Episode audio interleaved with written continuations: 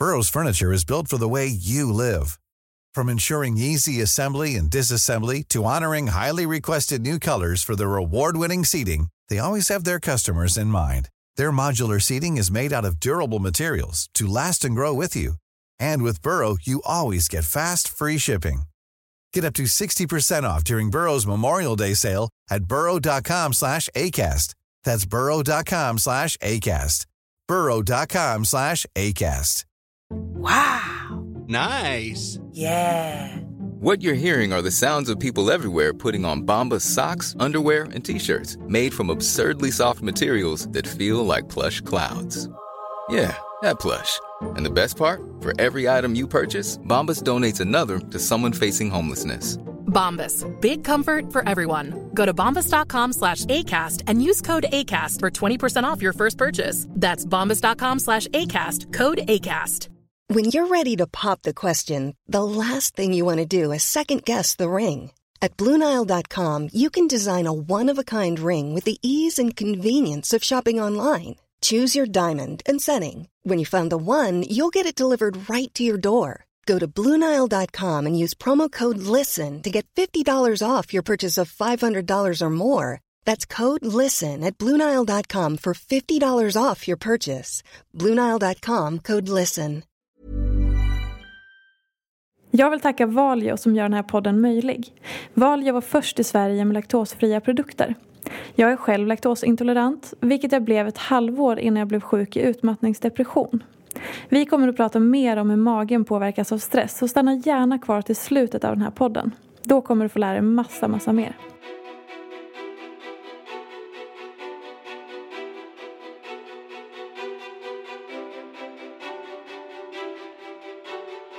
Desiree Nilsson, en ung kvinna som vuxit upp i rampljuset. Redan som 14-åring startade hon sin blogg och har sedan dess hunnit leva ut ungdomen med extrema fester på lyxkrogarna kring Stureplan i Stockholm. Hon har släppt en singel med ett av Sveriges största skivbolag. Hon har haft en egen manager sedan tidiga tonår och dessutom stadigt legat i toppen som en av Sveriges absolut största bloggare med hundratusentals läsare och följare. Dessie är inte rädd för att sticka ut hakan och provocera. Hon har berättat att hon shoppat upp hela lönen och lagt ut bilder av pengar i högar. Men Dessie är inte bara ung, driven och en vacker kvinna som levt med framgång sedan tidig ålder. Hon har även varit föremål för ett extremt hat och chockade bloggvärlden när hon blev gravid redan som 18-åring och idag verkar Desi lyckligare än någonsin med sin lilla familj. Bara 21 år gammal så satsade hon stenhårt på att bygga upp sitt varumärke och sudda bort sviterna från ungdomens dagar med all provokation. Något som är lättare sagt än gjort med observanta bloggläsare som följt henne så länge hon kan minnas och gärna påminna om gamla synder. Hur är det att leva med en ständig publik? Hur hanterar hon hatet? Hur mår hon? Vem är egentligen Desirée Nilsson? Jag önskar er varmt välkomna till podcasten Ofiltrerat med mig, Sofia Peterfia Sjöström. Hej Desi. Hej. Jag vill att du berättar om din verklighet. Um, ja, jag ser mig själv som en vanlig 21-årig tjej i Stockholm som har byggt upp en familj och ett eget litet liv. Jag driver ju en av Sveriges största bloggar och för många så kan det nog eh, verka som, eh, ja jag vet inte, konstigt att vara så här offentlig och skriva ut om sin vardag och alltihopa. Men för mig är det, det är min vardag liksom. Det är, jag skulle inte kunna se mig själv utan bloggen och kunna berätta om vad jag gjort och vad jag haft på mig och alltihopa. Det är, ja, det är mitt liv och familjen och det liksom. Mm. Hur, eh, jag tänker att du började med bloggen när du var 14. Mm. Eh, och min spontana uppfattning är att när man är så ung, för jag tänker tillbaka när jag var 14 så mm. var man ju, eller jag var otroligt osäker och ville anpassa mig mycket och sådana saker. Och att börja blogga då och hamna i offentligheten så tidigt mm. måste ha påverkat dig ganska mycket. Ja, det påverkade mig väldigt mycket negativt när jag var yngre. Jag eh, jag tror jag gjorde väldigt mycket saker som jag inte egentligen stod för och som jag egentligen ville. Men bara för att kunna bevisa någonting på bloggen. har du något exempel? Mycket av det som jag gjorde när jag provocerade och hälften av alla inlägg som jag skrev var bara för att det blev en sån grej utav allting och att man, man, jag vet inte, det blev som ett grupptryck från läsarna. Kände du att eh, det fanns andra profiler i blogg bloggvärlden som påverkade dig eller som du inspirerades av när du såg att de kanske gjorde någonting som gav väldigt mycket uppmärksamhet eller mycket liksom media? Kände du att okej, okay, det där gör de, då måste jag också göra så? Ja, på ett sätt så var ju, när vi var små så var det jag, Kissy och Pau som var väldigt så här provocerande. Vi gjorde galna grejer och vi skrev konstiga grejer bara för att provocera. Mm. Eh, och självklart så inspirerades vi nog alla utav varandra. Men jag tycker ändå på ett sätt att jag ändå har kört min egen väg. Ja, på något sätt har jag ju provocerat men ändå så har jag alltid stått för bra åsikter. Jag har liksom kanske provocerat om eh, hårfrisyrer och sådana grejer men jag har aldrig provocerat på ja, men om känsliga ämnen som kan... Äta barnmat till exempel, som Kisse gjorde där. ja, ja, men precis. Alltså, jag har ju aldrig stått för att ah, anorexia eller mobbning eller någon sån grej. Det, jag visste alltid min gräns liksom. Mm. Hur var det att växa upp med bloggen om man tänker på liksom ditt privata liv. Som 14-åring, man går i skolan, det är vänner. Jag tänker att det är väldigt, just så här med vänskap överlag så här, kan det påverka ganska mycket om någon når framgång väldigt tidigt eller att någon sticker ut och är annorlunda.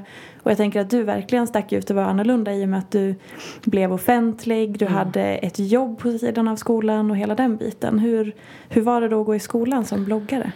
Eh, I skolan så var det då var det väldigt stor skillnad på mig och mina klasskompisar för att jag hade en blogg. Det var att de flesta i skolan kollade och pekade och pratade alltid om mig och det gick rykten om mig och... Det måste var... vara jättejobbigt. Ja, alltså när jag gick i skolan så tyckte jag att det var jobbigt. Jag, eh, jag hade inte speciellt mycket vänner eh, och det var, det var lite som att jag var en utomjording som satt där i klassrummet. Det var väldigt så här eh, ingen kanske riktigt vågade vara med mig och sånt. Eh, men det, jag vet inte, det var ändå Alltså, allting det, jag lärde mig ändå utav allt det där. Alltså, jag slutade i skolan väldigt tidigt också. När då? Eh, I den alltså, stora skolan som jag gick i, då slutade jag i sjuan, åttan. Sen så började jag i en liten skola för tjejer med koncentrationssvårigheter och ADHD. Mm. Och då var vi tio pers. Och då var det jättekul och då tyckte jag skolan var rolig igen och jag fick kompisar och alla lärde känna alla och ingen dömde någon för att någon var en bloggare liksom. Mm. Så där, där trivdes jag och pluggade upp mina grundskolebetyg. Men eh, i den kommunala vanliga skolan så var det ju verkligen inte lätt. Och det är någonting som jag får ångest över och tänker tillbaka på. På vilket sätt var de elaka med som stirrade eller eh, liksom att du sa att du kände som en utomjording och så. Mm. Skulle du säga att du var mobbad eller utanför, ensam? Ja, det skulle jag. Jag var väldigt ensam och jag var väldigt... Eh, ja, jag, var väl, jag blev väl mobbad. Men det var...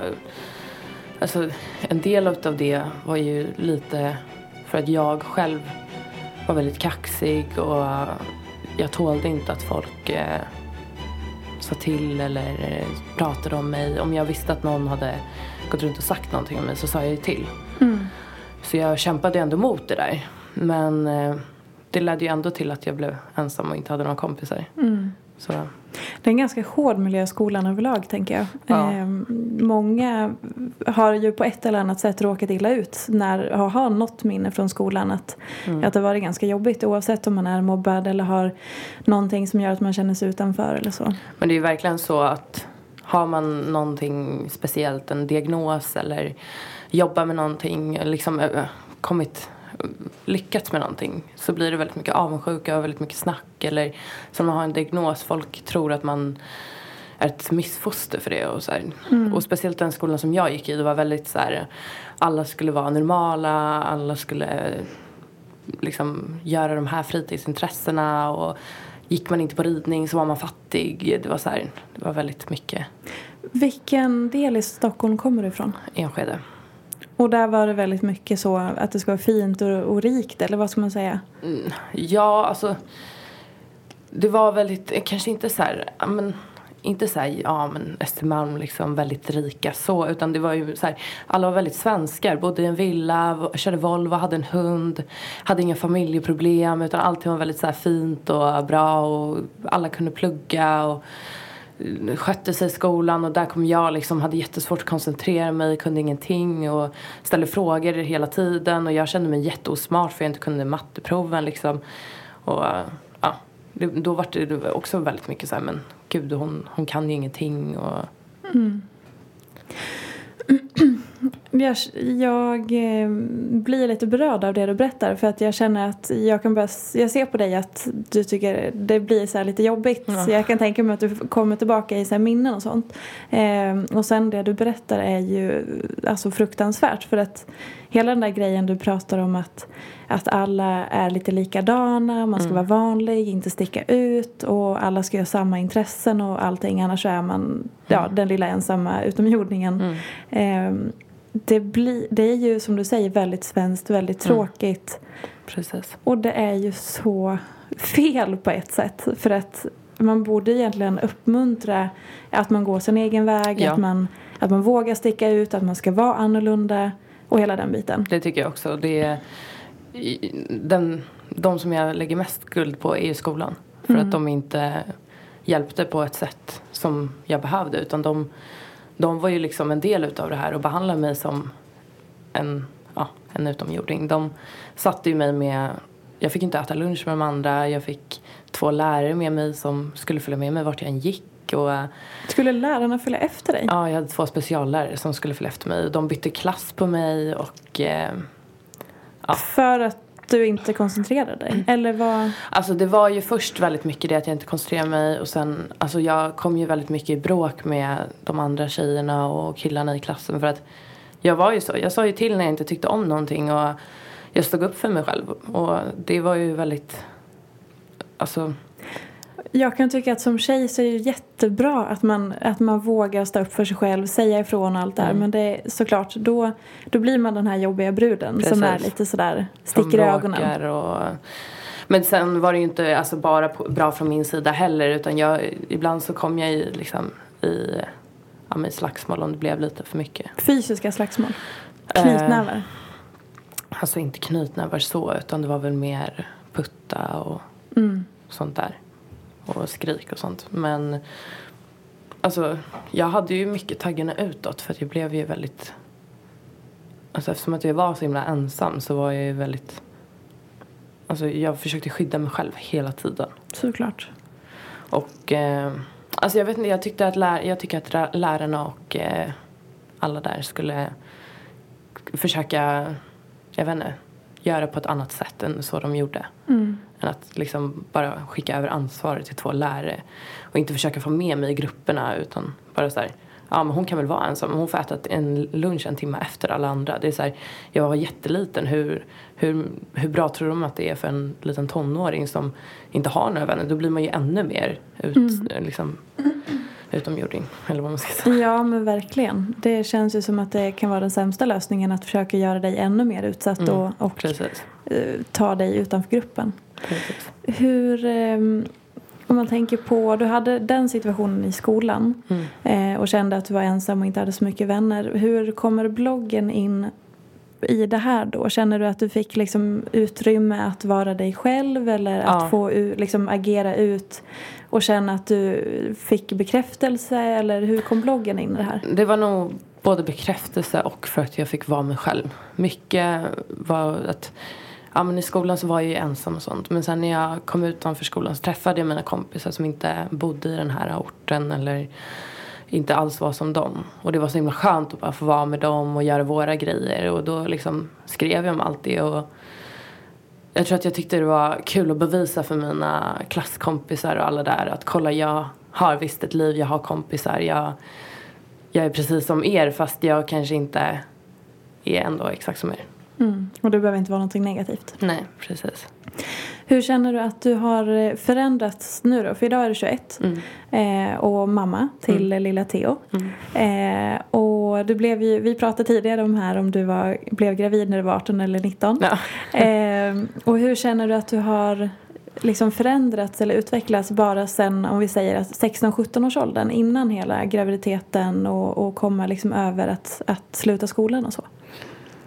Eh, alltså, jag tyckte inte att det kanske hände så jättemycket mellan 15 till 17. Jag var fortfarande ganska omogen och jag, jag hade fortfarande mycket bekräftelsebehov och sånt där.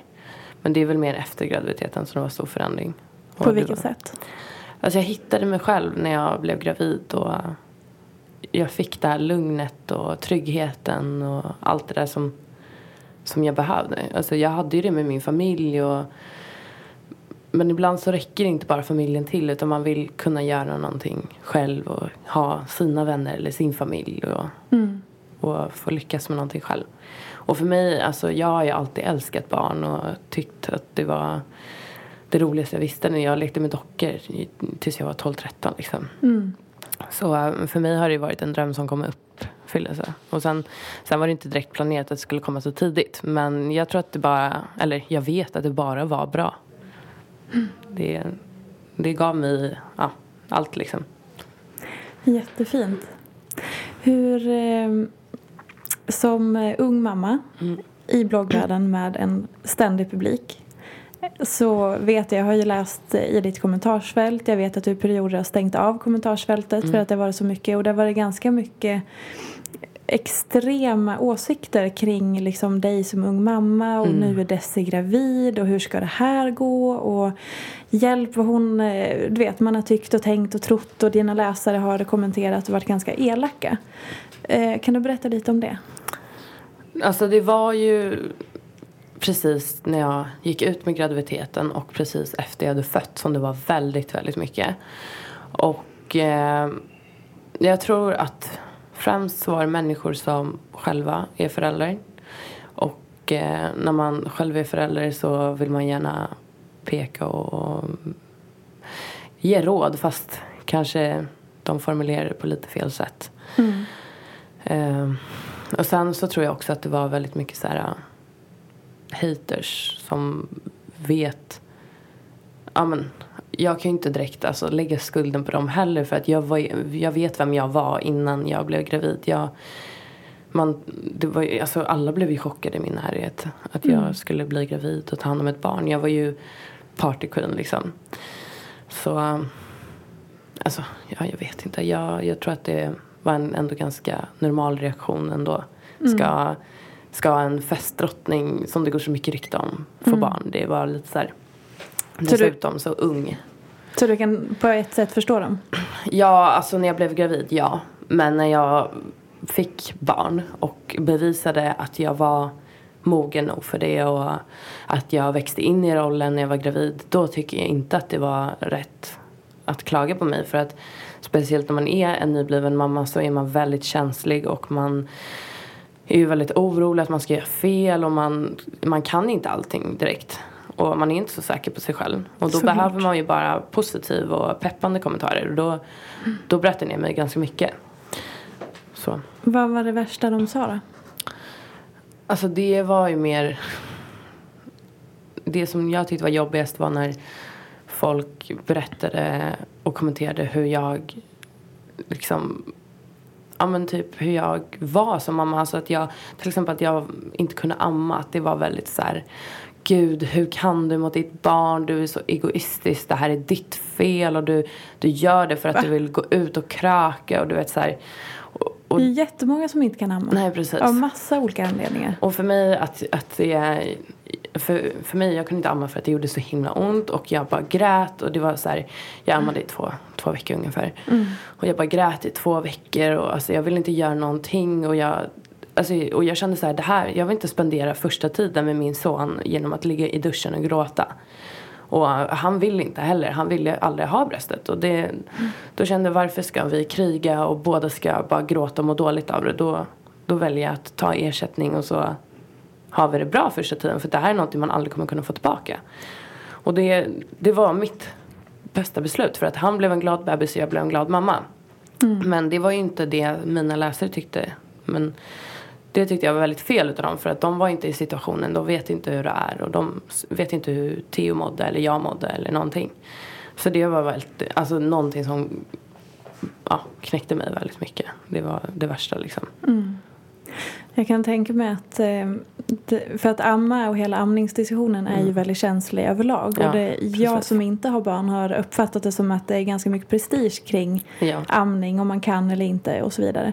Eh, och att då dessutom ha en publik eller en läsarskara som hånar en, hatar en, ger åsikter Mm. och dåligt samvete ännu mer. Det måste ju vara rent fruktansvärt. För att som du säger, det är liksom första tiden man är bräcklig, osäker och säkert har egna tankar om att Mm. så här, shit, det, här kan, det kanske är något fel på mig eller, eller så. Ja precis, jag började ju känna men jag är ingen bra mamma för jag slutade amma och det Ja, det är någonting som jag kämpade med jättelänge. Nu så vet jag ju själv att det, det var ett val som jag gjorde bäst då för stunden. Och sen självklart skulle jag ju velat amma. Men då så mådde vi inte bra utav det. Och det, då var jag tvungen att tänka på både min son och min, min hälsa liksom. Och alla barn, det är verkligen så. År 2015, vi har så himla bra ersättning. Och alla bara, ja ah, men ditt barn kommer bli så sjuk hela tiden. Theodor har aldrig varit sjuk förrän nu när han började på förskolan. Det är första gången och han är ett och ett halvt. Så det är så himla mycket skitsnack kring det där. Bara för att skuldbelägga mammor. Och det är så fel tycker jag.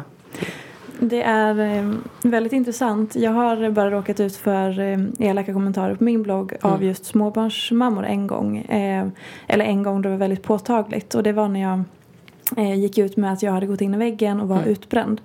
Eh, och så började jag berätta om det lite i bloggen. Att så här, först att hela min stress började gå överstyr. Och sen så att jag väl hade gått in i väggen. Jag var sjukskriven för utmattningsdepression. Eh, de som blev provocerade av det och blev elaka, det var småbarnsmammorna. För de tyckte att Nej men du som är 24 år och inte har några barn, du kan inte vara trött. Nej. Alltså så då gick Det där är de till attack på det. Och det är så här, varför ska ni sparka på någon som redan ligger? Mm. Här säger jag att jag är sjuk och försöker liksom hantera det. Precis. Du säger att du vill ta hand om ditt barn på bästa sätt och sen ändå så är det de som attackerar. Det där, det där är så himla typiskt att folk ska hålla på och jämföra med sig själva och andra. Och eh, att folk inte förstår det, att vi är så himla olika när det kommer till allting. Varför skulle vi inte kunna vara olika när det kommer till välmående? Det är, så är det för mig också när jag skriver att jag är stressad eller mår dåligt. De bara, men, men vadå, du gör ingenting. Du bara sitter och skriver några rader så kommer pengar in. Och man, då blir jag bara så här, "Åh, jag orkar inte ta den här diskussionen igen liksom. Det bygger ju väldigt mycket på okunskap. Mm, precis, det tror jag också. Ehm, om vi ändå ska gå in lite grann på det här. Som jag frågade i början, vad, vad innebär eh, din, vad är din verklighet? Mm. Ehm, och jag skulle tycka det var intressant att veta mer om din vardag. Hur den faktiskt ser ut. För ditt huvudsakliga jobb är ju bloggen. Mm. Eh, och sen tillkommer det ju flera olika saker som samarbeten och du släppte en singel och det är liksom olika projekt och sådär. Mm. Kan du berätta lite grann om hur din vardag ser ut? Eh, min vardag är väl väldigt...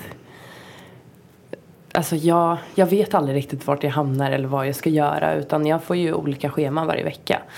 Ibland så är det jättelugna dagar och ibland så har jag 15 olika grejer att göra. Men eh, nu är det väldigt lugnt eftersom att jag precis eh, flyttat över min blogg till United Influencers. Och eh, den flytten tar ganska lång tid och man ska, de håller på att bygga upp deras företag och sånt. Men sen så fort vi kommer igång så finns det en del projekt som jag vill göra. Och eh, ja, men till exempel när man har ett projekt man vill göra. Vi säger att jag vill skriva en bok. Då är det ju väldigt mycket då, som är kring det just då. Då är det väldigt mycket möten och planering. Och, men sen så kommer det en lugn period igen och sen så vill jag göra det här och då kommer allting med det igen. Men eh, ja, vanligtvis så är det ju att eh, när, när jag släpper av Theo på förskolan så går jag oftast på möte, går hem, planerar, bloggar, svarar på mail. Ehm, ja, lägger upp annonsinlägg och eh, samarbeten och pratar med mina agenter om vad jag ska göra, vi- vilken, vilka kampanjer som kommer upp och sånt. Alltså det är fys, alltså, fysiskt är det väldigt enkelt men psykiskt så eh, är det mycket att hålla koll på hela tiden. Och folk tror inte det. det är, men det är egentligen så, alltså, jag kan ju också tänka så här, ja ah, men en bloggare vad har de att göra? De skriver några rader men det är inte riktigt så enkelt. Nej. Det är, pengar kommer ju inte bara för att man skriver. Folk tror ju att vi får betalt per klick. Jaha, Mm. nu är det 300 000 personer som har kommit in här. Ja, då har jag fått 300 000 på kontot. Mm. Men så är det ju inte. Det, pengar kommer ju liksom inte från träd liksom. Eller, alltså det kommer ju inte bara sådär. Det, man måste jobba för det precis som alla andra. Och sen gäller det ju att när man väl, även om man har eh, varit med länge Mm. eller eh, har en stor blogg så gäller det hela tiden att underhålla hela Precis. tiden, förvalta det man har. Eh, och det går ju inte heller bara att så här, jag skriver några inlägg. Mm. För jag kan känna lite grann, jag har bloggat sedan eh, 2010. Mm. Eh, och jag kan känna att eh, jag vill inte bara förlita mig på att min blogg ska leva i 10, 20, 30 år till. Eh, utan jobba precis som du säger, de här sidoprojekten. Precis. Att ha liksom bloggen som en grund och sen kunna vidareutveckla och att det öppnar dörrar till andra saker. Som till exempel den här podcasten. Ehm, Men om du tänker lite så här.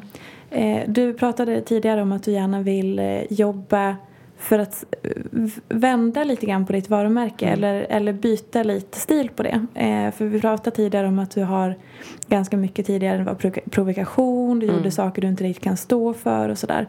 På vilket sätt vill du förändra ditt varumärke Desi? Eh, jag brukar säga att jag vill bli Desiree Nilsson, inte Desi.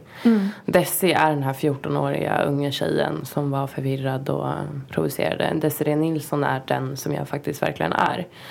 Och eh, det, det tar ju tid att vända på någonting som har varit så länge. För Desi har ju varit fem år, sex år på min blogg. Och nu de här sista två, tre åren är det väl mer Desiree Nilsson.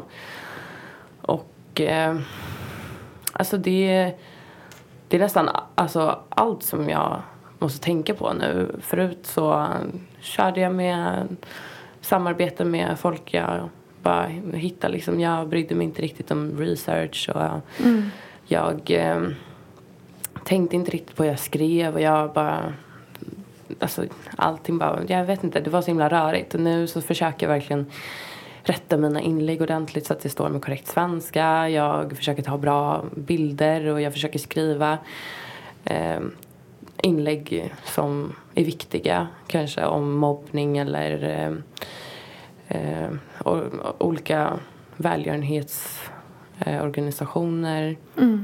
Eh, ja, men lite mer sånt som jag faktiskt står för. Och eh, att vända från Desi till Desiree Nilsson är ju, det går ju inte på en dag. Det Nej. kommer nog krävas ganska mycket mer. Men jag tycker att jag har kommit långt nu. För att jag märker själv att nu eh, så är det väldigt mycket stora företag och, eh, som vill samarbeta och som jag själv bara, va? Vill de jobba med mig? Det Ja. känns ju jätteoverkligt men okej. Och så- Så det går framåt åt precis. rätt håll? Ja. Eh, om det finns, om vi ska prata lite grann om hon Desi då. Mm. Eh, känner du att, att det ligger dig till last att du blir påmind om det eller att läsarna liksom kommer ihåg saker som du gärna hade velat eh, glömma bort eller att du förstår att de Mm. har liksom att det här är- förföljer dig på något sätt? Jo, men så är det ju. Och jag tror att det kommer följa med mig väldigt länge. Men eh, alltså nu så känns det ju väldigt som nu känns det som att jag har kommit iväg från det där väldigt mycket. Jag får nästan aldrig några negativa kommentarer på min blogg. Alla är väldigt positiva och eh, många peppar min förändring och berättar att ja, du har blivit en helt annan människa. Det är så himla otroligt och nu är det så inspirerande. Och sånt där gör mig jätteglad. Det får ju mig att bli ännu mer motiverad. Men sen så är det mer på de här kanske skvallerbloggarna. På folk som inte riktigt följer mig. Som mer får läsa om, ja, men, om, om något misstag som jag har gjort eller något. Det är ju det, oftast det som kommer upp på skvallerbloggarna. Och det är de som inte riktigt ändrar uppfattning om mig. Det är de som fortfarande så här, kommenterar och försöker påminna. Ja, ah, men Desi gjorde ju det här liksom. Men de, det är också så här brist på kunskap för att de följer ju inte min blogg. Så de ser ju inte det här vardagen och de här inläggen som är bra och liksom. De, de får ju bara se det här. Ah, kolla nu, nu slutade Desi samarbeta med den här. Vad har hänt? Och så är det så här. Aha. Ja, ah, men det är väl säkert. Desi har väl gjort någonting. För att så gjorde ju hon 2008, lalala, typ sådär. Ja, okej. Så då... Ja, för det, det är ju intressant med de här skvallerbloggarna. De Mm. eh, livnär sig ju på att hitta skandaler. Det är ju lite Ja. grann som Se och Hör om jag har förstått det rätt. Precis.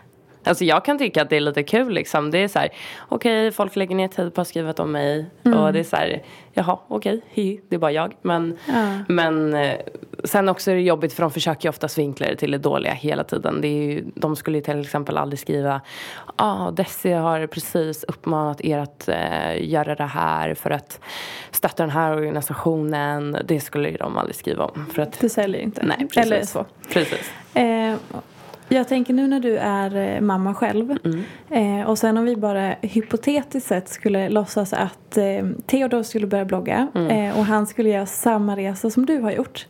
Eh, början han var 14, han skulle börja som en osäker person och, och liksom gå igenom hela den här resan. Eh, hur hade du hanterat det eller hur skulle du tänka som, som förälder och liksom i och med att du själv vet vad det innebär och, och vad du har gått igenom. Men sen att se honom göra samma grej. Eh, alltså jag hade stöttat Theodor om han ville öppna en blogg och bli framgångsrik inom bloggvärlden. För det är någonting som jag tycker är väldigt viktigt, att man ska stötta drömmar oavsett vad det är för dröm. Men eh, jag hade väglett honom för att jag, den vägen som jag gick är ingen väg som jag rekommenderar någon att ta. Och jag har jobbat väldigt, väldigt mycket för att både glömma saker som har hänt och för att komma dit jag är idag. Och eh, det var liksom inte värt det, helt enkelt. Men eh, samtidigt som förälder så är det, det är inte alltid så lätt att veta vad som hände på riktigt. Alltså, mina föräldrar stöttade ju mig väldigt mycket och trodde på mig att jag, skulle klara det. Och när jag sa att jag mådde så himla dåligt i skolan, att jag inte orkade. Och då peppade de mig till att gå i den här uh, lilla skolan och klara mina betyg och så. Men de visste ju aldrig riktigt heller. Alltså de ville inte läsa min blogg och jag sa ju inte läs min blogg eller min adress eller någonting. Jag ville ju inte att de skulle Visste de att du bloggade? Mm. Det, det sa jag till dem. Men de, jag tror de aldrig visste att det var att jag provocerade och sådär. För de vill inte läsa? Nej, jag sa att jag inte, alltså jag sa inte min bloggadress eller någonting. Jag var väl lite såhär, ja men det är bara min blogg liksom. Jag skriver om mina vänner typ. För det kan jag komma ihåg, eh, för jag minns ju en del av, av de här åren med, eh, som du nämnde tidigare, med Essie, Pau och Kissy.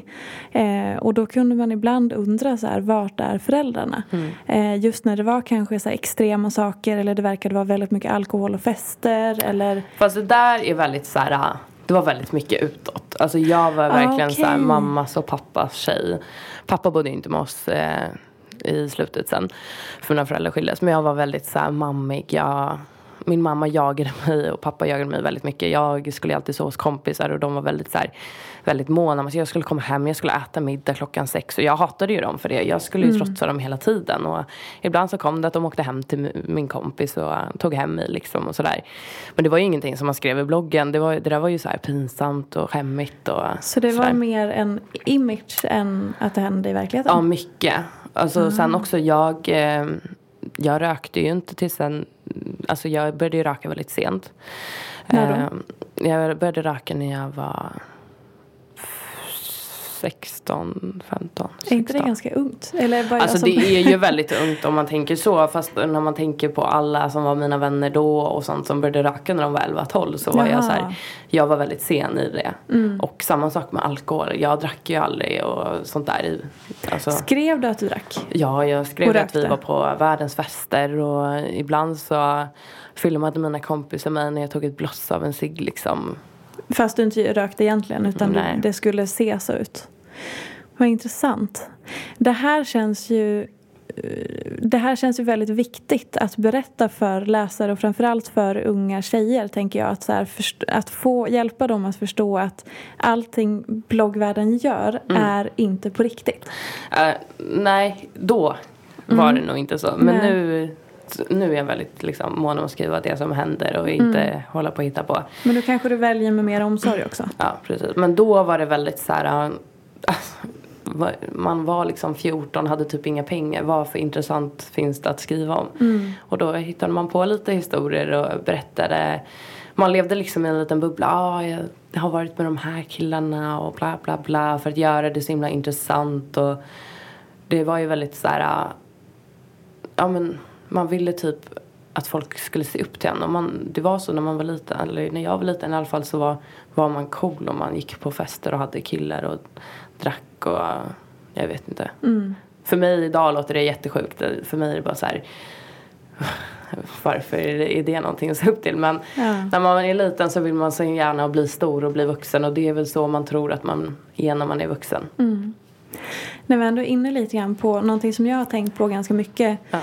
Senaste året. Det är bara det här att hur man bygger små världar i bloggvärlden genom att kanske eh, beställa in en stor hotellfrukost och så tar man bilder och skriver att man ätit men så dricker man bara kaffet. Eller att man lägger upp perfekta bilder som är jätteretuscherade eller att man i hemlighet har skönhetsopererat sig men absolut inte vill berätta det eller du vet att man så här Ja. bygger på den här eh, det här filtret och den här fasaden, den Ja. vackra ytan och allting.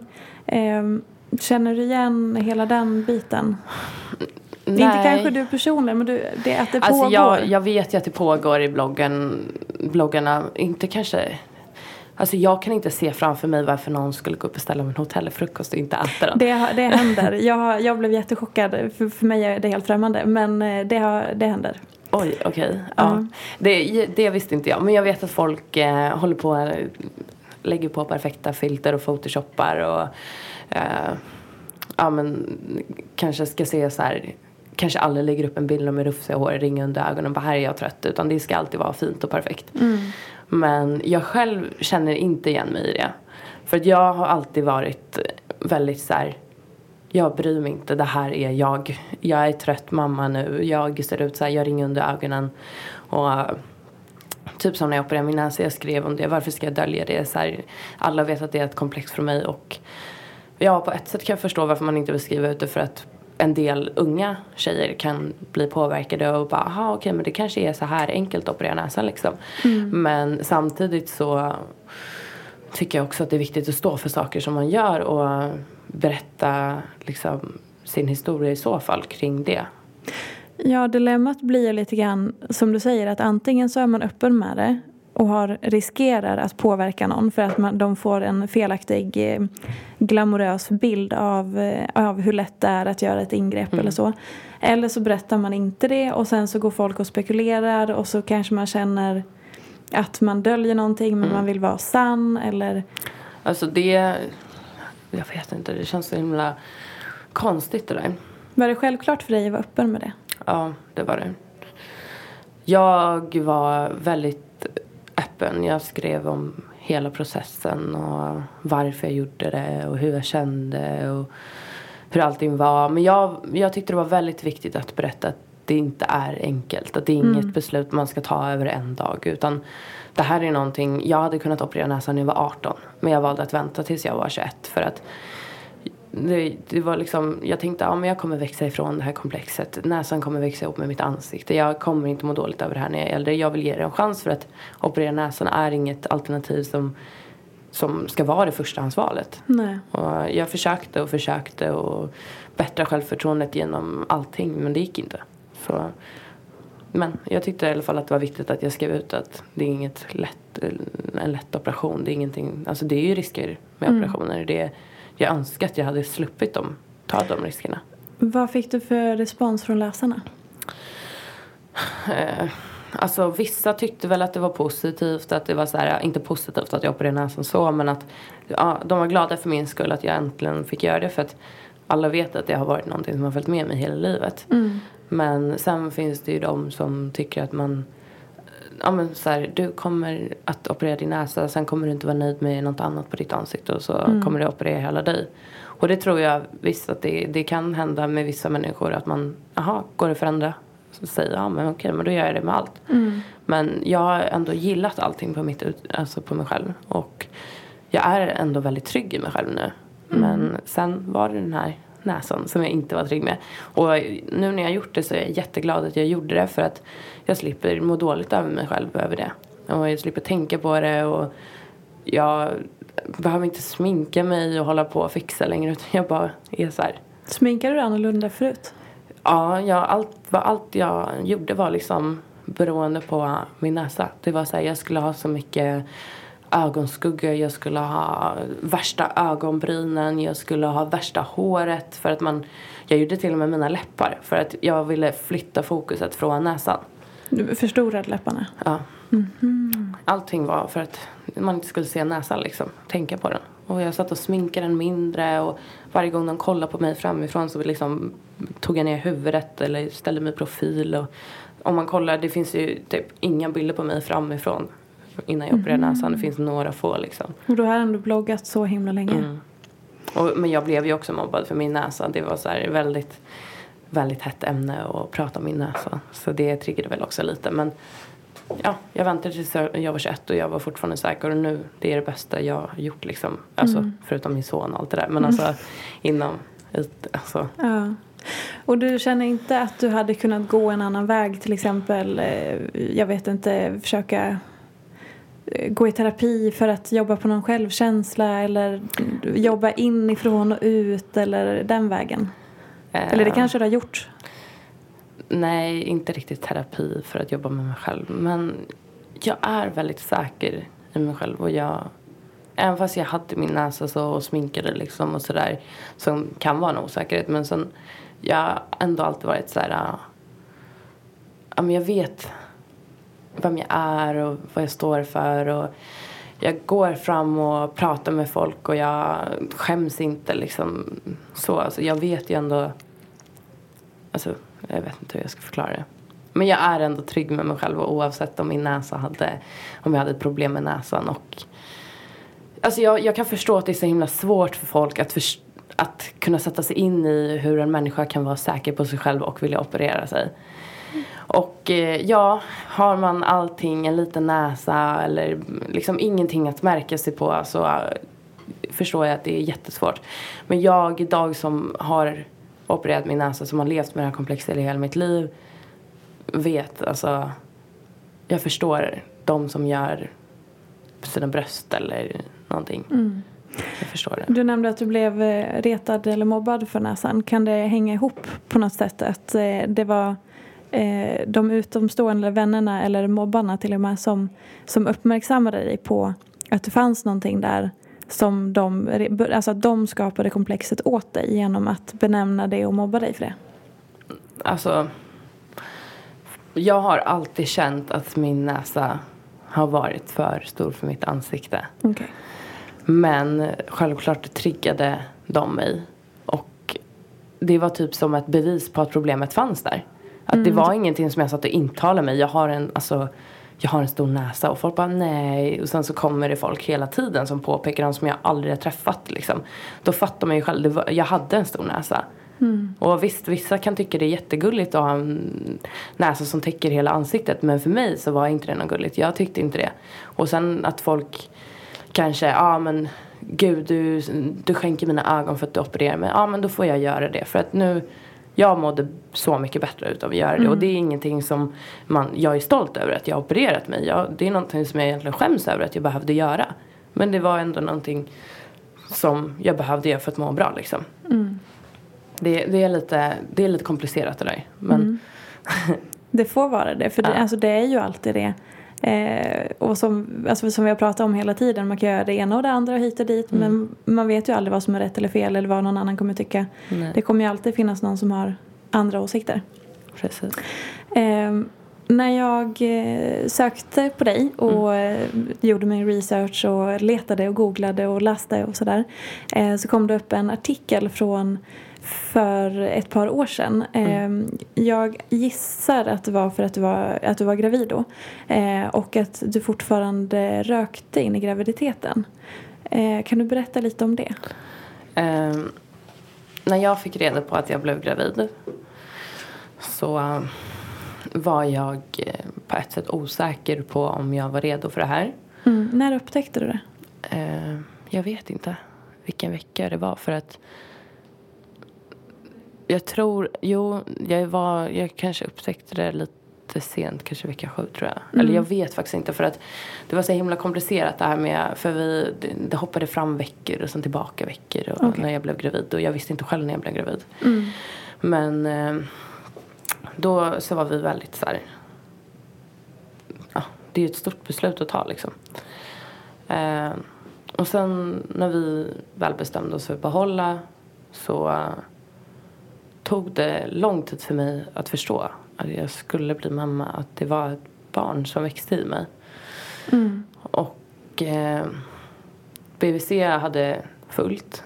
Så de bokade inte in mig på så här, ultraljud för att se att bebisen var där på väldigt länge.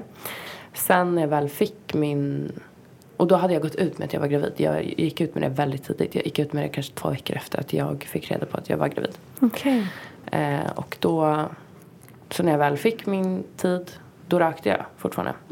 Och sen när jag fick se det första, att jag var verkligen gravid, att det var en bebis där inne. Alltså första kontrollen liksom. Och det är då man ser att är man gravid eller är det bara liksom ett spel. Alltså det, gravid, graviditetstest kan ju visa fel.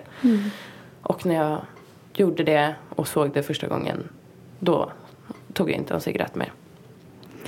Så det handlade om, om att du egentligen inte hade tro, trott att det var verkligt eller förstått det? Ja, Eller? det är det. Jag, jag tror inte själv att jag... Jag fattade att jag, jag var inte... Alltså det var en så himla stor omväxling. Det, jag var inte riktigt mig själv. Jag fattade inte liksom... Ska jag bli mamma? Alltså det var ju från att vara ute på fredagen och festa till att på lördagen se att man är gravid. Det var så här, va? Och sen när jag såg honom i eh, ultraljudet, eller på, det var ju typ som ett ultraljud men man såg ju inte riktigt någonting för han var så himla liten. Det var liksom en liten prick. Då, då fattade jag att jag är gravid. Men sen också så hade jag en eh, tjejkompis då som var gravid i vecka 20 tror jag.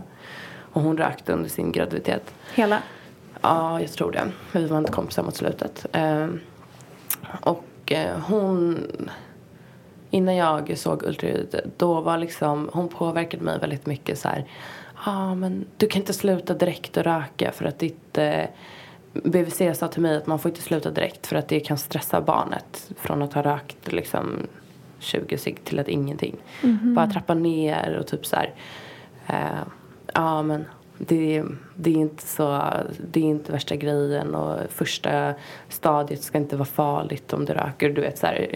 Och jag bara, aha okej, du vet fattar ingenting och liksom bara blev så här påverkad. Jag, sen, sen när jag liksom hade det här första kontrollen och så pratade med BVC och allting och då fattade jag, ja men det är ett barn som växer, det, det är fan inte okej att röka. Och då, Och då hade du redan hunnit bli kritiserad i media ja, för att du rökte Precis, fortfarande. Så det blev en väldigt stor grej på en gång. De nappade och... men det förstår jag. Ja. Jag hade, hade jag sett en gravid tjej gå och röka, jag hade säkert gått fram till henne och sagt men alltså, hur kan du göra det här mot ditt barn? Så att jag förstår det. Jag, jag har så mycket ångest för att jag rökte första veckorna. Men en, alltså jag rökte väl, ja, vad var vecka åtta, nio kanske. Och det är nio veckor för mycket. Men samtidigt så fick jag ju reda på graviditeten några veckor efter. Så, men samtidigt sen också är det folk som får reda på att de är gravida i vecka 12 och så har de krökat och festat och rökt och jag vet inte vad under de här veckorna. Så att jag, inte för att det är någon ursäkt men jag försöker att, eh, jag vet inte, att inte må lika dåligt över det och genom att tänka så. Det är fascinerande hur kroppen kan rädda upp så mycket som vi människor gör. Eh, ä- oavsett om man är gravid eller inte så att, vi, att våra kroppar pallar så mycket som vi utsätter dem för. Och speciellt när det ska bli en graviditet och ett friskt barn. Det är Ja. jättefascinerande. Jag tycker också det, det är helt otroligt. Verkligen. Men sen när jag slutade där direkt, alltså jag tog ju inte, jag trappade inte ner eller någonting. Jag tog bara ingen cigg. Då var jag verkligen så här att jag vill inte gå nära folk som röker. Jag vill inte vara i miljö med alkohol eller så. Och sen, det kom väldigt naturligt när man väl såg att det var ett barn där inne. Och så tror jag att det är med de flesta att när man förstår att man ska bli förälder, att man ändrar allting väldigt snabbt. Men just, liksom. Känner du någon gång att du har anpassat dig efter följarna? Att du, till exempel på Instagram så kan man ju se att många med mycket följare de börjar lägga upp en viss typ av bilder på sig själva för att de märker att det är mycket likes eller att om du får mycket kritik i bloggen så kanske du inte skriver en typ av inlägg Mm. eller eh, kan, du, kan du känna igen dig i det eller känner du att nej jag går min egen väg, jag gör det här och jag skiter i, i resten eller så? Mm, ja. Självklart så tänker jag på vad jag skriver idag.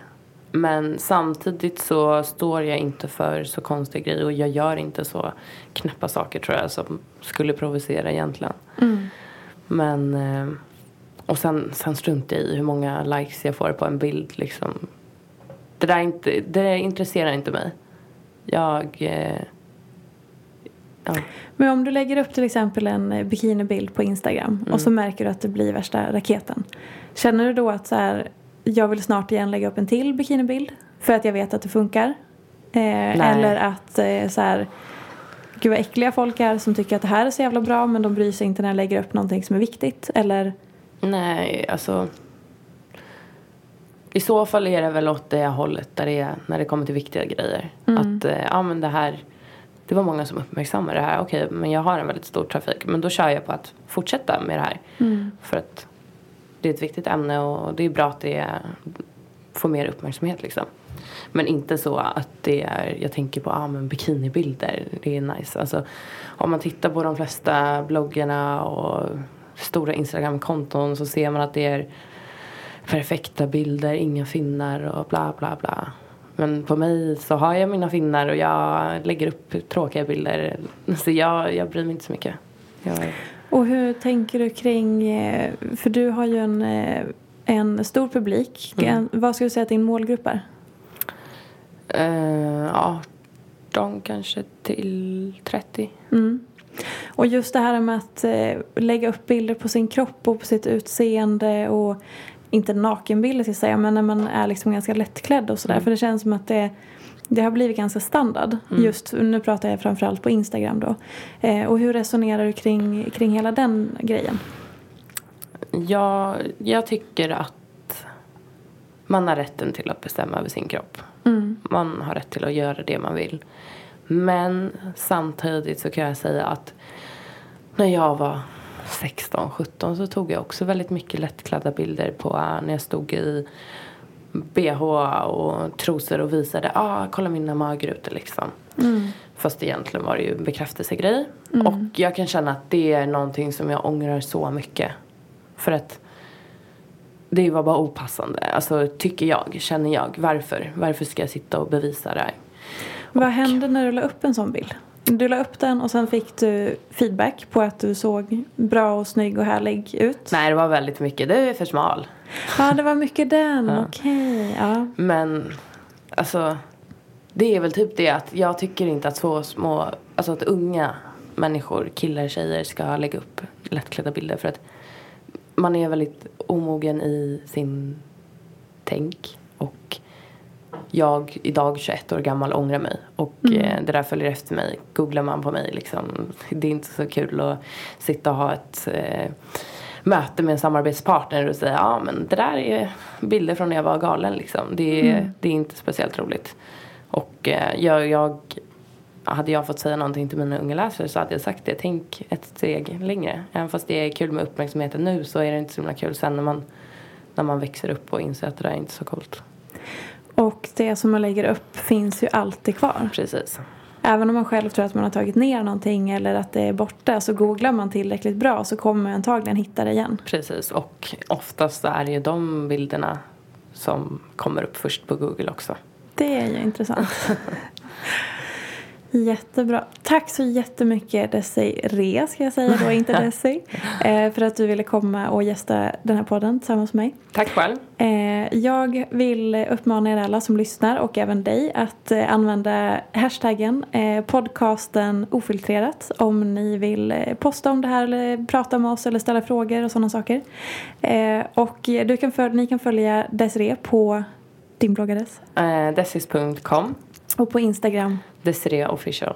Toppen. Och Ta- min mix. Och Mix också, det är den här appen. Ja, My Secrets. Just det.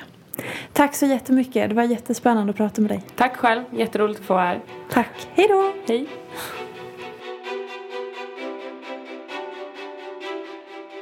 Något som många ofta undrar över är hur det kommer sig att en del människor tål This Mother's Day, celebrate the extraordinary women in your life with a heartfelt gift from Blue Nile. Whether it's for your mom, a mother figure, or yourself as a mom, find that perfect piece to express your love and appreciation. Explore Blue Nile's exquisite pearls and mesmerizing gemstones that she's sure to love. Enjoy fast shipping options like guaranteed free shipping and returns. Make this Mother's Day unforgettable with a piece from Blue Nile. Right now, get up to 50% off at BlueNile.com. That's BlueNile.com. Planning for your next trip? Elevate your travel style with Quince. Quince has all the jet setting essentials you'll want for your next getaway, like European linen, premium luggage options, buttery soft Italian leather bags, and so much more. And is all priced at 50 to 80% less than similar brands. Plus, Quince only works with factories that use safe and ethical manufacturing practices.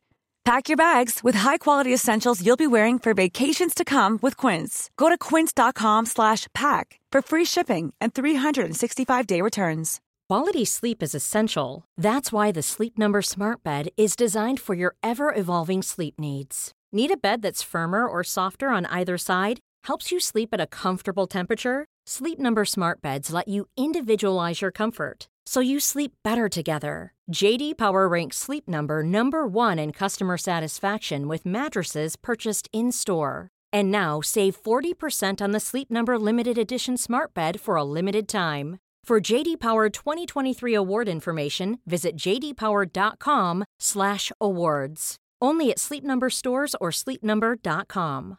This is Paige, the co-host of Giggly Squad, and I want to tell you about a company that I've been loving, Olive and June. Olive and June gives you everything that you need for a salon quality manicure in one box. And if you break it down, it really comes out to $2 a manicure, which is absolutely insane. It's also so easy to get salon worthy nails at home with Olive and June. The difference between how your nails used to look when you did them yourself and now with the Manny system is a complete game changer. The best thing about Olive and June too is it's a quick dry. Dries in about one minute, lasts for five days, and full coverage in up to one to two coats. Visit oliveandjune.com slash perfectmanny20 for 20% off your first system. That's oliveandjune.com slash perfectmanny20 for 20% off your first system.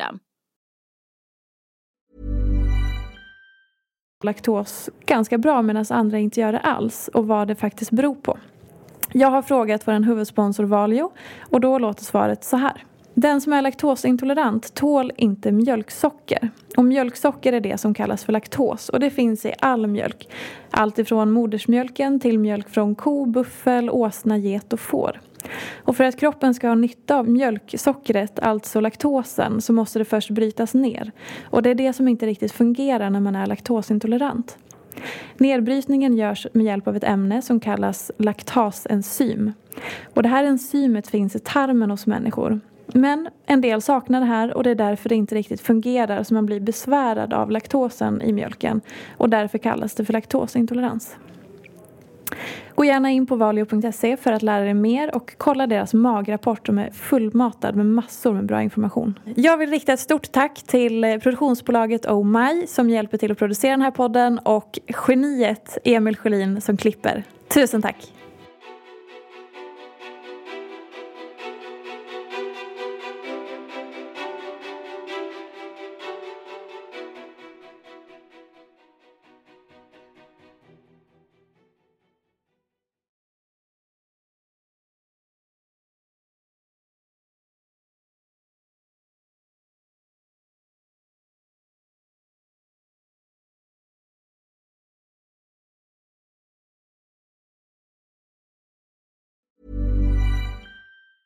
Planning for your next trip?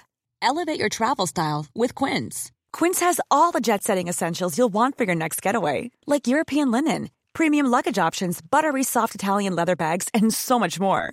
And is all priced at 50 to 80% less than similar brands.